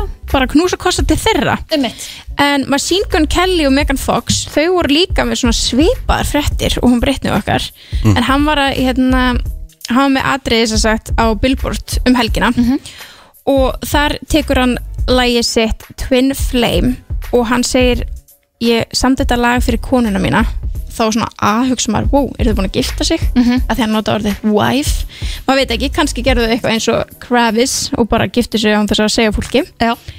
en svo hérna bætir hann inn í í lagið, þetta er eitthvað sem er ekki í upprunalega textunum This is for our unborn child Já og á meðan laginu stóð yfir þá heyrðist í svona hjartslátti undir svona takti en svo hætti hjartslátturinn Mm. og þá segir hann Go to sleep, I'll see you in my dreams Æ Já, hann Já. að maður veit ekki alveg Nei. hvað þau meina en þau voru ekkit voða leið þetta kvöld sko, þetta er kannski bara hérna, Kannski er þetta lengur búið kannski er þetta langt síðan Já. að því að Megan Fox hérna, Instagrama síðan mynd þar sem hún er að senda stílistan sínum SMS okay. og hún sendir stílistan sínum mynd af hérna, blá átfitti sem hún er í sem er bara svona, bara svona hólsút eitthvað segir maður, bara svona já, samfestingur Já. og hún segir var þetta bláa dress hérna dýrt af því að við kliftum hólu í klófinu svo við gætum stunda kynlíf What? Og er hún bara ofinberð þetta? Já og stílistin svara bara ég hata þig, ég mun laga þetta Já Hanna já Ok, áhugavert Já, þú veist, af því þau eru voða opinn með kynlífið sitt sko Jú, jú Það er gaman að vita hvað þau gera Það er ekki En Herru, hún og var svo- ekki í þessu bláa dressi á- Nei, ég skil ekki hvað þetta bláa dress var Nei, emmitt En hún allavega hana, klifti gatt í klubban Hún er rosa sætt Hún er svo sætt En já, vonandi var þetta ekki alltaf dýrt Mhm. En hún er ekki að followa neitt á Instagram Ekki einu sinni kærstan sinn Eða mannin sinn Mm. Hún er bara svo cool mm, Getur verið Svo cool Herru, svo er Jason Momoa komið nýja kæristu mm Hann var náttúrulega með hana, Lisa Bonet í hvað 20 ár Já. Þau hættu bara saman í janúar eða þú veist, hérna, tilkynntu að þau voru að hérna, fara í sitt hvort áttuna í Ok. janúar en hann er byrjað að deyta Lisa Al, nei, Alisa held ég ég kann ekki alveg að segja nafnina Aisa González, okay. 32 ára og við þekkjum hana til dæmis úr myndinni Baby Driver Mhm. Já Ógislega sætt Já Herði, kærastan hans Kanye West komið tattoo Ah, sem stendur yay Já, ok Kærastans kanni verðst þú líka að posta mynda sér og allir held að væri Kim sko Sá Æ, æ. það ekki? Nei Og guð, það er bara, hún er búin að eyða öll af Instagraminu sínu Já. og það eru, þú veist, tvö svona fotodömp Mm. og það er allt bara eins og þetta sé, þú veist öllum líkendum horfur á þetta og þú er svona, ó, Kim en svo þú þarfst bara að horfa tvísvarskilur og er bara, ó, ekki Kim ah, Þetta ok. er alveg eins og hann Ertu með einhverjar, herri já Þetta er alveg eins, rosalegt. það er rétt. Er þetta ekki Kim? Ertu með einhverjar upplýsingar um, um hérna Johnny Depp, Amber Heard eh, hérna Málið, Málið. Herru, það var bara að byrja aftur í gær Aha. Það var búið að vera þarna í ykkur tíu daga pásu Það er sem var mjög erfið þá þau vorum öll mjög spennt að sjá hvernig þetta fæ, hvernig þetta myndi halda áfram og nú er loks byrja hérna cross-examina sem þýðir núna er loks löffrængnarinnar Johnny að spyrja Amber út í alls konar hluti Já, og það er að koma einhver svona smá cracks Já, in það er, her story Mhm. það er að koma alls konar sko og, hérna, og þau náttúrulega eru þjálfu í því að finna eitthvað sem hún hefur sagt Mhm. og segja að þú sagðir þetta ekki svona þarna og svona þarna Já. þannig að þetta er, þetta er svo áhugavert að fylgjast með og það er svo mikið að koma upp alltaf meira og meira og meira já. og hérna, já þetta er bara þetta er ángriðs bara frekar spennandi sko. Absolutt bara mjög spennandi já. og ég eina sem ég er spennt að sjá því ég er að fylgjast með þessu mér langar svo að vita hvort að teimið hennar eða teimið hans séu á TikTok að það er svo Að margir á fylgjast með, TikTok já, já. að finna alls konar hluti eins og, eins og þegar við sáum hann að Milan snirtverumarkið Mhm. tilkynnti að varan sem að Amber Heard segist að hann verið með í veskinu Til að allt fela- sambandi sitt Já. til þess að fela marbletti hafi ekki verið gefin út fyrir 2017 Mhm. -hmm. þau s- sóttu um skilna 2016 Emmett. og það er fólk á TikTok búin að fatta þetta Já. og ég er svona býð eftir að ég sjá eitthvað hint að annarkvort heimið sé búin að vera að horfa á TikTok að ég Þau eru vona örugglega það með 20 mann sem eru bara að skoða allt það hlýtur að vera það bara hlýtur að Það vera hlýtur að vera en það er mikið af þessu efni ymmit inn á TikTok mjög mikið, Mhm. mjög, er bara for you page mitt er bara, bara þetta nánast já, þetta er alveg rosalegt sko en þetta er, já, þetta verður áhugavert að sjá og það er ekkert svo mikið eftir af þessu Nei. þessum rétturöldum, ég held sé enda bara í enda mæ sko Mhm. þannig að það verður spenn, spennandi að sjá svo er Billboard Awards um helgina uh, Travis Scott mætti fólk var svona Já. misánægt með það með, og, og með konunni sinn með konunni, já og batni og Stormi, Mhm. bara öðru batninu þeirra en já, eins og ég segi, fólk var svona misánægt að sjá hann að, að hann hefði mætt sko ok, út af tónleikunum Já, og bara Ok. út af öllu málinu og þú veist, það er hérna verið að fagna þú veist, tónlist og tónlistamönnum og áhanskili að vera þarna og það var En- svona alls konar umræður en hvenar hérna, nú ég a- þú veist, hef ekkert um þetta sem að halda mm Mhm. en hérna, hvenar má hann vera aftur já, góð spurning skilur mig, hann er, hann er búin að beðast afsökunar búin að beðast til að borga og maður Já. skilur alveg þarna, en náttúrulega voru líf sem að fóru algjörlega og, og, ætla að sé ekki ennþá einhver mál í gangi, já, já. og þess vegna sé fólk pyrra, ég svo sem Algjörlega. veit það ekki 100% en Nei. ég er svona að það myndi vera gíski mitt já. að það sé það sem fólk væri pyrra yfir að eru hann er ennþá- ekki búin að vera með enn tónleika en eitt svoleiðis Nei, Þannig að hann átti er náttúrulega að allavega- koma á Coachella sem gesturinn hans Kanye Já. Mhm. en Kanye náttúrulega hætti við þannig að hann er ekkert búin að sjást neitt sko. Nei. ekki allan svona upp á sviði ef ég, ef ég man rétt Absolutt En já, þannig að fólk var svona mis ánútt með það en, en hann tók Eðlilega. náttúrulega Kylie og Stormi og það er líka að tala um að það er kannski verið svolítið til þess að skína mm. ljós á frekar þær heldur en heldur en Ah. hann, gæti verið, það veit það ekki en svo var Kim okkar besta framann á Sport Illustrated Herri, já Mega squeeze Mjög flott Já Megaskvís, það er alveg rétt þér Var í sundfötum með hanska Bara eins og maður gerir Já Þannig að þið, sé- þið veitir það að það er allir í nautarsvík núna í sumar að fara að mæta bara í bikini með hanska, Það er væp Á, það er kannski úff Kannski svolítið öðruvísi að vera hérna, mótil framan á blaði heldur en kannski maður er Já, veistu, hún er samt í alveg búin að vera bara núna Líka í fyrra, já, bara með hanska ofan í vatni Er hún að fara að detta í Madonnu bara? Já, þetta er eitthvað Þetta er eitthvað trendi, þurfum að fara að pröfa þetta Já Uh, Birta Herri, Líf, vá. uh, þetta var alveg te í þessari viku Við Kæra þakki fyrir komin og heyrjumst í næstu viku Takk fyrir mig Herðu gestagangurinn heldur áfram og uh, við erum að fá fjórða gestin í dag og uh, Ást- Fjórða kvenngestin til okkar í dag ég sem, og við vorum að klára að hlusta á J-Lo og ég sem eh, fremsti karlfeministi landsins eh, kann eh, virkilega meta dag eins og þennan það er eh, þannig og eh, hún er mætt í- til okkar í eh, stúdíóið Áslaug Arna Sigurbjörnsdóttir Eh, vertu hjartalega velkomin Kærar þakkir fyrir. maður er vanur að segja dómsmál á þeirra hvað myndi maður segja í dag? Háskóla, yðnaðar og nýskopunar á þeirra. Já. En ef þú getur ekki meira rauðina þá máttu bara velja eitt. Já. En sko, ríkistjórnin var ekki alveg búin að hugsa út í þetta þegar hérna, þau byggur til ráðuneytið mitt og hétt fyrst sko vísinda innar og nýsköpun ráðuneytið Mhm. og það er oft notaði skamstöfun og þá var í skamstöfunin vín Já Mm. um, það var ekki út af því sem ég breytti nafninu en hérna um, kannski auðveldar að muna það en ég breytti því í háskóla innar og nýsköpun ráðuneytið af því að mér fannst háskóla ná svona meira utan um verkefnið Ok og vísindin falla þar undir en þá lendi ég í því vesinni að þá var einn sérstætt hin áslög en það er, það er skamstöfunin hin, H-I-N en hið íslenska náttúruvinafélag á það lén Ah. Já. þannig að ég þurfti að bæta vaffi við í skamstöfunna hvafin.is og það er auðvitað borið fram queen.is Óf, vá En að ef þú manns ekki nefna ráðundinu þá bara mannst allavega Það er bara skamstöfunina Queen áslög Þetta er búið að vera ekkert smá mikið bras en það er nú ekki margir á þeirra með í rauninni þrjá titla skilur, þú ert með þrjá titla Já, einmitt, það er eh, umhverfis orku og loftlagsmálar á þeirra Þannig með þrjá líka ah, okay. Og hérna, en, eh, annars er þetta stýttri nöfn En ef þið eru með hugmynd sem nær yfir þetta betur um, Að þá erum við opin fyrir því Já, nú já, já En í þessari viku er ég sérstaklega nýskupunar á þeirra Af því að það er nýskupunar vika í gangi mm Og þú setti það svona formulega af stæði í gær Já. með hérna, svaka fyrirlestri Já, það var að kynna svona mínar áherslur og hvað nýsköpun er og af hverju þetta er mikilvægt og þú veist, fólk skiljur svolítið að þetta er sko fjórða stærsta ráðunitið. Mm. Mhm. Það er bara heilbreyðis, félags og innviða sem eru samgöngumálin sem eru stærri. Mm. Mhm. Þannig að háskóla og nýsköpunamálin eru rosalega stór og skipta rosalega miklu máli uh, fyrir framtíðina og þannig að ég var svolítið að útskýra það, útskýra nýsköpun út frá hérna hvað ég er að gera og svo svona áherslu málin mín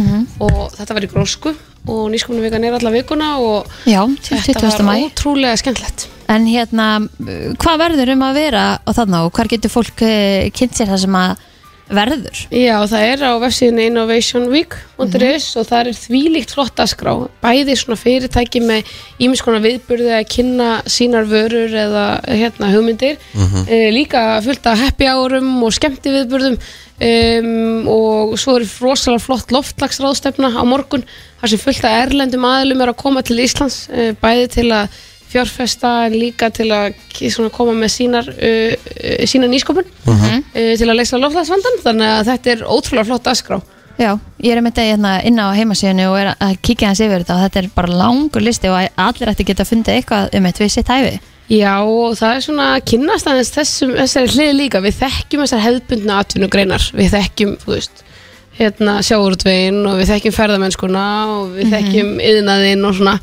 en nýsköpun er svo margt, þú veist, þetta eru leikjafyrirtækin CCP og Solid Clouds og margir þekkja það sem spila tölvuleiki og þarna myndast fullt af spennandi störfum og hefur verið að stækka gríðarlega þessi yðnaður á Íslandi Svo eru þetta heilbreyðislausnir, þú veist, Össur og Maril uh, eru þetta líka stór dæmi um, og, og svo flott svona teknifyrirtæki og þannig að vera svo spennandi störf í framtíðinni þannig að það er um að gera líka svona að skoða þetta fyrir fólk sem er að svona pæli hvað það ætlar að gera. En þetta er fyrir alla í rauninni, þetta er Já. Mhm. opið öllum, þetta er ekki bara þeir sem er í háskóla eða, eða Opið og frýtt Já, einmitt, frýtt líka Ha, Riki Elskum frýtt Já Og svo elska ég að þessi líka búið að setja hérna snack time Það sem að hérna, það verður já, já, upp á brugstofunni Já, Það sem að hún getur- eh. það er svona kaffipása Já og það er líka hérna, brugg, bruggið er nefnilega líka nýsköpun sko á Íslandi. Það er hérna svo mikið að litlum brugghúsum og, og það er svo mikið nýsköpun í rauninni er nýsköpun allt sem er búið til nýtt eða þróað á betri hátt og gert á skilvirkari hátt sko. Hvar eru við Íslendingar bara svona þegar kemur að nýsköpun? Um, það er svona mælikvarði þar sem ég minni núna að við séum í 17. eða 19. sæti Við Vá. höfum verið að færa okkur ofar af öllum löndum Það er rosa gott Já, sömu mælikvarðum stöndum við rosalega vel, erum bara í topp 5 En öðrum mælikvarðum erum við til dæmis í 8. og svo 4. sæti sem dregur talsvert niður Mhm. Það er til dæmis í því að við fyrir allt og fá, fáir fara í mentun sem er verkfræði, vísindi, tækni, tölvunafræði, e, listir, e, þessar svona starffræði, þessar stímgreinar, stundum kallaðar. En er það þá bara að fólk er ekki að velja það eða þá að þetta er ábúðum vant í skólunum?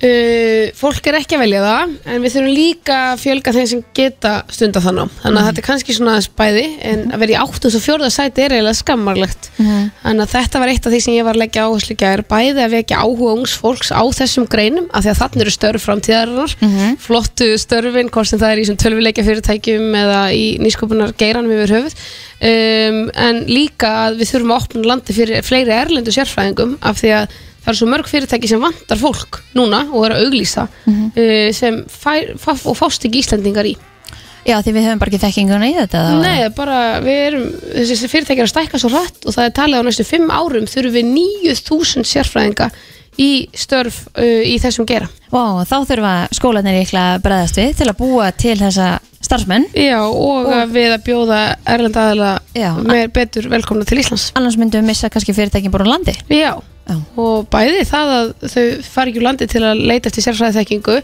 en líka þurfa að búa til svona umhverfi þannig að þau ákveða að velja Ísland og vera hér af því það skiptir máli bæði fyrir störf fyrir okkur unga fólki sem erum að koma út á vinnumarkaðin okkur eins og ég sé ennþá hérna, geðvett ung en hérna ég er, ég er yngst í mínu felti þannig að Já, mér já. líður alltaf eins og ég sé Já, já. mjög ung um, en líka hérna uh, af því að þau, þetta skila svo mikið tilbaka í skattekjum og, og hérna skila svo mikla, mikla þekkingu eftir á Íslandi Absolutt. Eru einhver svona ákveðin aðrið sem að þú myndir mæla með að fólk væri og kíkt á eða?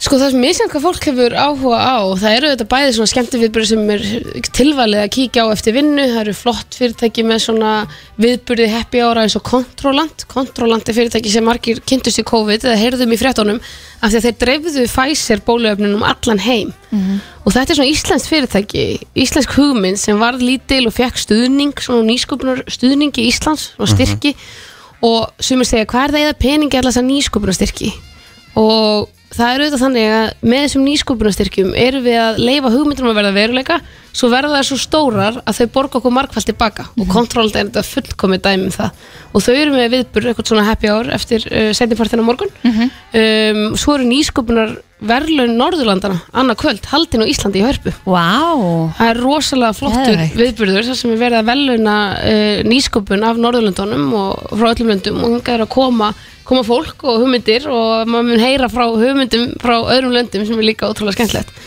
og nú erum við einhvern veginn orðin svolítið samkeppnishæf þar að segja að við erum orðin svona e, þannig að fólk er að koma hingað og ég sagði mitt líka frá því í gæra e, það er eitt flottasta, flottasta kólefnisförgunar verkefni í heimi búið að velja Ísland sem stað til að vera á og þetta er svona laus sem bindur kólefni hraðar uh, með náttúrulegum um, leiðum um, með þörungum og þetta getur haft áhrif á svona að því það er alltaf verið að tala um svona loftlagsbókald heimsins sko Mhm. og við þurfum einhvern veginn að kólefnisjáfna okkur og hérna um, en þetta eru það stóra tölur og þau eru með það stór markmið að þau getur bara haft áhrif á heimsbókaldi sko wow. og þau voru að velja Og Ísland þau og, munu vilja vera koma Íslandi. hinga með störf þau munu kaupa hér af íslenskri framleiðslu þau munu framleiða vörun á Íslandi og svona Hvar verður þetta fyrirtæki staðsett? Það á eftir aðeins að koma í ljós, þau þurfa að sigla með vöruna sína út fyrir land helgi okkar, þannig að út á haf, eh, rúmsjó bara, Ok. um, sem eru svona baugjur sem binda kólefni með þörungum og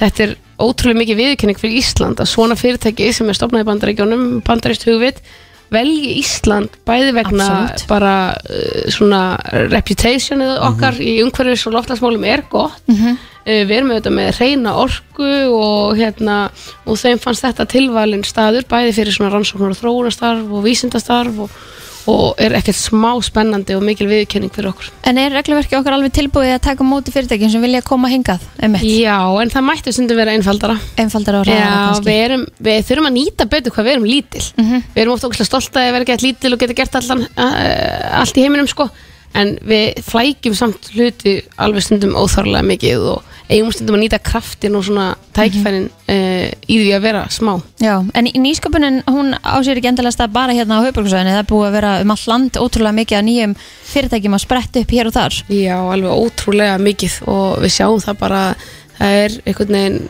þetta umhverju mun skapa svo skemmtileg störf alls staðar á landinu bæði hvar fólk vill búa og nýta uh, þú veist, landið okkar hvort sem það er verið að nýta fiskin í einmitt að búa til plástra eða verið að nota rannsóknir úr jöklum fyrir sunnan eða orku og annað fyrir norðan þannig að þetta er ótrúlega skemmtlegt og það er svo gaman að sjá svona íslensk fyrirtæki sem kannski byrja mjög lítil Mhm. að ná bara árangra á heimsvísu og eru orðin bara farin að velta miljörðum Emmett. á ári sko. Og nú er ráðherra ábyggilega búin að hoppa um landið alveg bara hérna til að skoða þetta allt saman. Já, og ég Hvað búin- kom þér mest á óvart?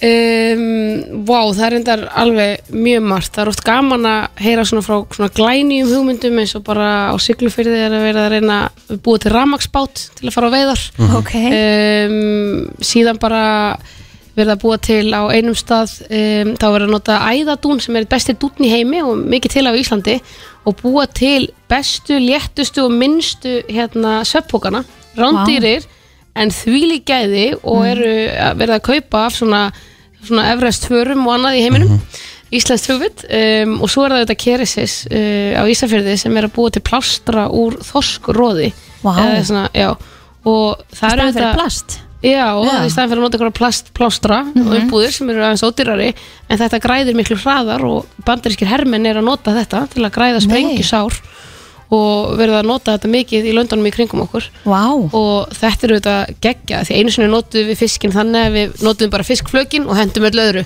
Emmett. þannig að það var ekkert til úr hínu það var bara rast, drusl, drasl En nú erum við farin að nota þetta allt Og- saman. Já, nú erum við farin að nota 90% af fiskinum er notað, þú veist, við erum líka að nota róðu þetta í sko hátísku vörur sem eru send, seldar bara í, hérna, út um heim allan og við erum Mm. að búa til liv og lýsi og bara alls konar úr fiskinum og því afgangstóti og svo plástra sem Mhm. er þetta geggjað Að því ég held að við séum oft svo ekki meðvitu um þetta eins og Mhm. ég hafði ekki hugmynd um það að það væri verið að búi til plástra að því að þetta er einmitt bara fullt af einhverju sem er selt bara á erlendu markaði ekki endilega hérna heima Einmitt, og ég er svona að reyna að laga það og var að kynna í gær að við þurfum svolítið að nota Íslands hugvit betur inn í kerfið okkar af því að Mhm. þjóðin er að eldast frekar hratt og lifir að vera dýrari og við munum ekki ráða við að hafa besta helbriðiskerfi í heimi eða bara yfir höfuð ráða við helbriðiskerfið ef við notum ekki svona tæknilausnir Absolutt. og það snýst líka bara um stafrann tækni okkur finnst miklu eðlara heldur en hérna, kynnslóðunar breyta svolítið hratt í því að hérna, hvað við gerum ráð fyrir að sé í símanum og svona eins og þegar maður setti aukurskiptinni í síman, mér finnst bara algjörlega eðlilegt að við, Ísland er Já.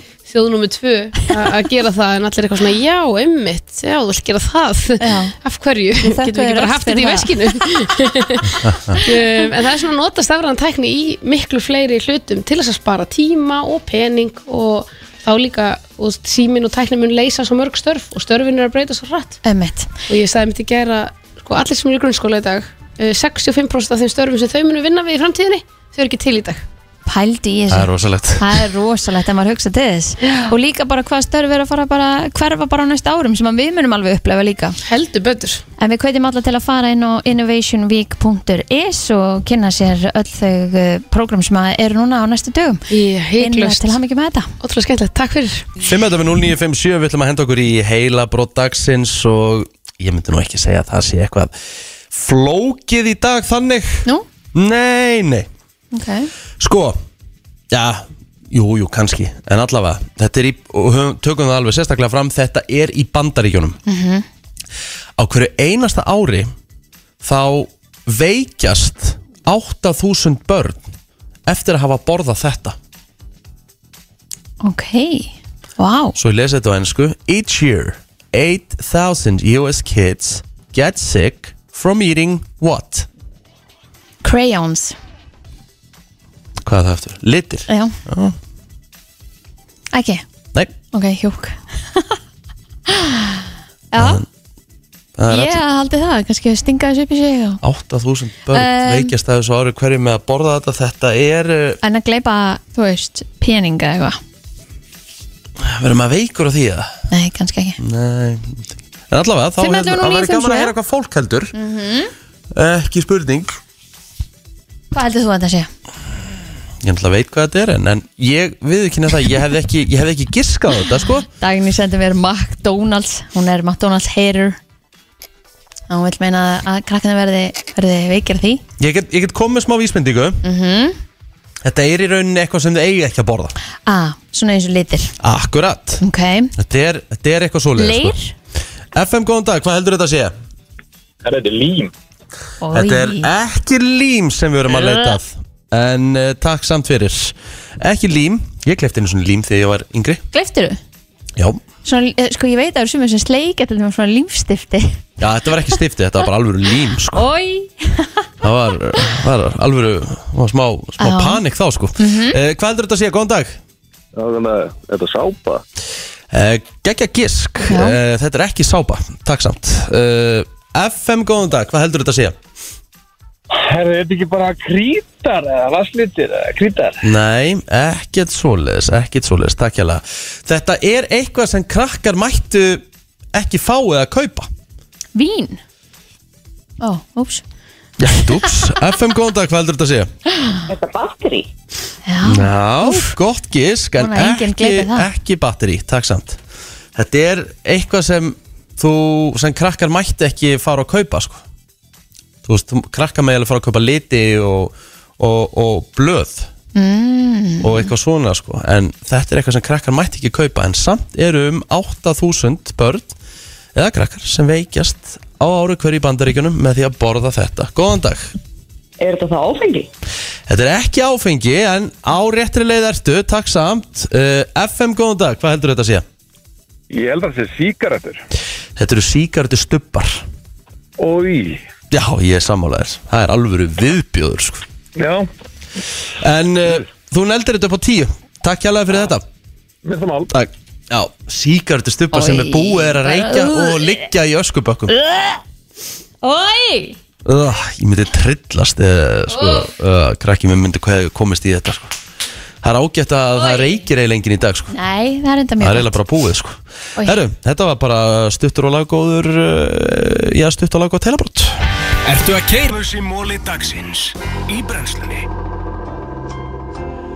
Já, það er nefnilega það, við ætlum að kíkja aðeins í þann virta og eh, ég er komið með, já, nokkuð skemmtilega Sko, uh, Kristín, það eru meiri líkur á því að þú munir deyja af völdum korktappa úr freyðivinslösku en af kongulóabiti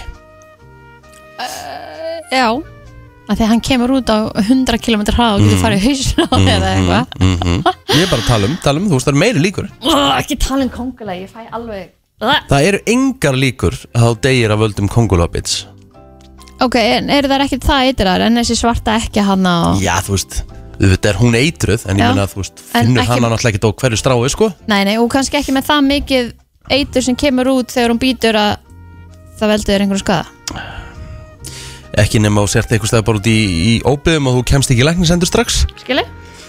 Uh, vissir það að það eru fleiri lífver, það eru fleiri lífverur á húðinni, Kristín, akkurat núna Mm. en mannfólk í heiminum Ó ok, áhugavert það er bara þannig já, vissir það að það eru fleiri en 35 miljónir Facebook aðganga sem eru í eigu látina einstaklinga what? mm Mhm. nei, ég hef ekki hugmyndið það það er nefnilega málið sko það er nefnilega fullt af Facebook aðgöngum, aðgöngum til bara sem eru í eigu látis fólks ég held að það var eitist bara út Já, ég veit ekki, ég veit ekki hvort hvort þú þurfur að vera virkur í eitthvað tíma, eða þú ert ekki virkur í eitthvað nákvæðan tíma, hvort þetta dett út, ég, já, ég þekki það ekki. nei, en ég fór líka að pæla hvernig lætur vita sko Facebook Eð, ég, já, Já, sko, þ- ég, þessi stólin, uh, meðal Íslendingur þjenar jafn mikið á einu ári og meðal verkamæður í Ghana myndi þjena á 88 árum. Úff. Það er smá reality check þarna. jöp Það er bara þannig uh, vitið, Vistu það að jöklar þekja um 11% af eh, flatarmáli Íslands mm, ok, 11% þekja jöklar um landið okkar já, Það er heldur mikið það hefur mingað 70% af því er vatnajökull já, Vatnajökull er náttúrulega hugas mm -hmm. uh, meira úr uh, þeim virta ég er með alls konar hérna mitt og, og þetta uh, rétthend fólk Mhm. lifir að meðaltali nýjára lengur en örfhendir að það? já, veit ekki hvað er á bakvið þetta sko nei, uh, vissur það að augun í strútum er stærri en heilin á þeim já, ok heilin í strútum er sem sagt pínu lítill þeir eru Halda reynda með ekki ris, þeir eru reynda með risa augu sko þeir eru þetta með mjög stóru augu Já uh, Typewriter er lengsta orðið sem hægt er að skrifa með aðeins einni röð á liklaborði Já, efsturöðinni uh, Já, mm það er bara þannig uh, Ekki veit ég hverju þetta er en konur blikka á augunum næstu í tvöfalt oftar en karlar Það? Já, Við erum stressaðar en þið eða eitthvað já, ég veit það ekki sko. Nei, Herðu, að meðaltali, að því við vorum að tala um kongulega ráðan En að meðaltali er fólk hrættara við köngulær en dauðan Af hverju þarfst að tala svona mikið um köngulær? Ná, Því mér er gaman að tala um köngulær ég hef engan áhuga á að tala um köngulær Það Ertu eru hrædd við ógeðslegar. köngulær? Nei, ég er ekki kannski hrætt við köngulær en, en bara, þú veist, mér finnst það ógislegar og við þurfum ekki að ræða þær Ég fæ, veist það, ég fæ svona þegar ég sér það til dæmis, þú veist, á grillhlífinu minni eða eitthvað Þú veist, Mm. ég fæ svona að mér líður bara illa Stömmsta krútlegar Nei, ó, Sko uh, Þú er heyrt það að nefið og eirun á okkur hætti aldrei að vaksa stækka nefnum þetta, hvernig niður? Já, Nei það mun aldrei hætti að vaksa Og ekki eiruðin heldur Já, En augun eru alltaf jafn stór frá fæðingu Og þar til út erð Þau breytast aldrei Já. Alltaf, já, alltaf jafn stór ok uh, Já, þá held ég þetta sé bara svona nokkurn veginn komið sko Köngulær Amerikanar borða reyndar að meðaltali átján ekrur af pítsu hvern einasta dag Úf, það er bara svo ótrúlega mikið aðgengi að mat í bandaríkjunum Já. Þetta er á hverju horni og það er einhvern veginn bara kemst hverki undan Nei. Þannig að hérna maður skilur það alveg og ég sko aðgengið að fast food er miklu miklu meira heldur en að einhverjum healthy food Það er bara nákvæmlega þannig Herru, þetta var uh, sá virti No doubt með Gwen Stefani í brotti fylkingar Just a girl, hvernig er dagurinn á þér í dag, Kristín? Herðu, bara löfuléttur vinnu dagur sko, Já. nokkru fundir og svona ímislegt sem þarf að gera Svipað Við hjá erum mér að bara. fara prómó klukkan eitt og... Já, ég er reyndar, eh, þú ert að taka hann fyrir mig Nú er ég komin í önnur verkefni já, já, það er svo leys mm. Það er bara þannig Þannig að hérna, þetta verður bara þægilegu dagur Svo er bara spurningin hvort að maður grill ekki í kvöld eða verður heitt úti Já, Það er svona stemming fyrir því allavega Og Og svo svo- kannski ef maður kíkja á ungar aðtöfnarkonur klukkan átta í kvöld það er rók í dag sko Það- Eða setni partin í dag þá á að hvessa meira sko Það er Og þreytt regna sko Það er þreytt, ég veit ekki hvort Já. ég nenni að henda ykkur á grillið í kvöld Nei, nei. En þá hendu ykkur góðu bara í pott eða pönnu eða hvernig sem það er yeah. Á morgun komin miðvikudagur Verðum í ansi góðum gýr Tíminu fljótur að líða heldur betur Við þökkum fyrir okkur í dag